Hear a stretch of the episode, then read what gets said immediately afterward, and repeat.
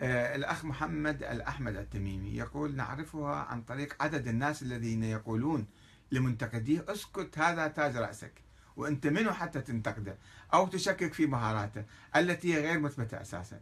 يعني شوفوا هذا الجو الإعلامي.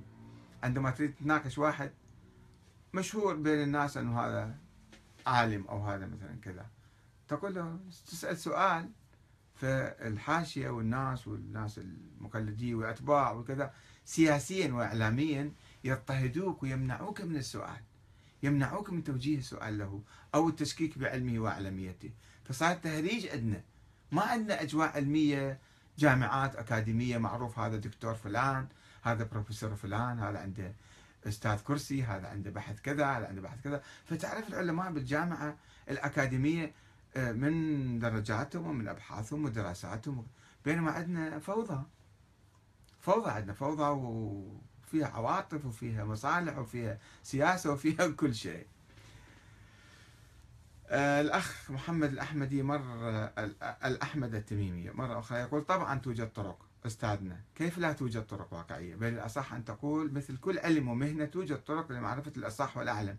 هذا مكرر أعتقد. آه، لكن لا يجرؤ شخص أن يطلب من الدكتاتور أن قرأنا هذا قبل آه، عبد الله عبد الله يقول لا فقه استدلالي ولا غيره.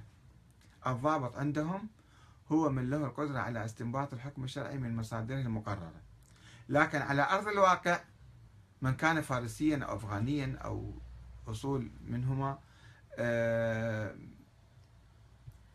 آه، لأن المرجع العربي عموما ضال مظل إلى آخر الألفاظ الجاهزة. آه، لا يا أخي عبد الله أنا أختلف معك. ما أعتقد هي مسألة عروبة وفارسية وأفغانية وكذا. إنما هي يعني إذا كان هذا الشيء موجود فهي مسائل شخصية. ما مو مسائل قومية ومسائل كذا. مسائل شخصية و يعني الأمر يعود للناس. الآن لم يعد أنه جماعة هم يقررون. إنما الناس هم يتجهون نحو هذا أو يتجهون نحو ذاك.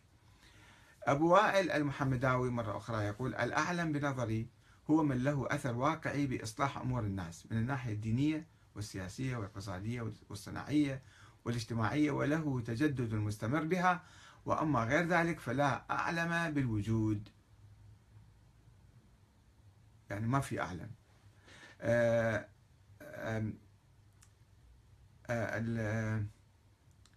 أكتفي بهذا القدر وأشكركم على حسن استماعكم وسامحوني إذا أنا تجاوزت على أحد. أنا ليس بقصد التجاوز إنما بقصد ضرب الأمثال.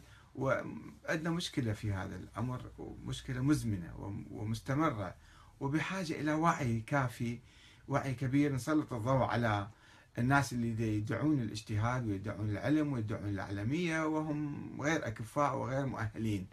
وبالتالي يتبوؤون مناصب عليا ويتبوؤون منصب كذا. مثلا يريد يحاول يصير مرجع أعلى مثلا في المستقبل آه، وراح يوقعنا في مصائب ومشاكل كبيرة. فلذلك آه، نبحث هذه الأمور وشوية نكون صريحين في هذه المسألة. فسامحونا وأجركم الله والسلام عليكم ورحمة الله وبركاته.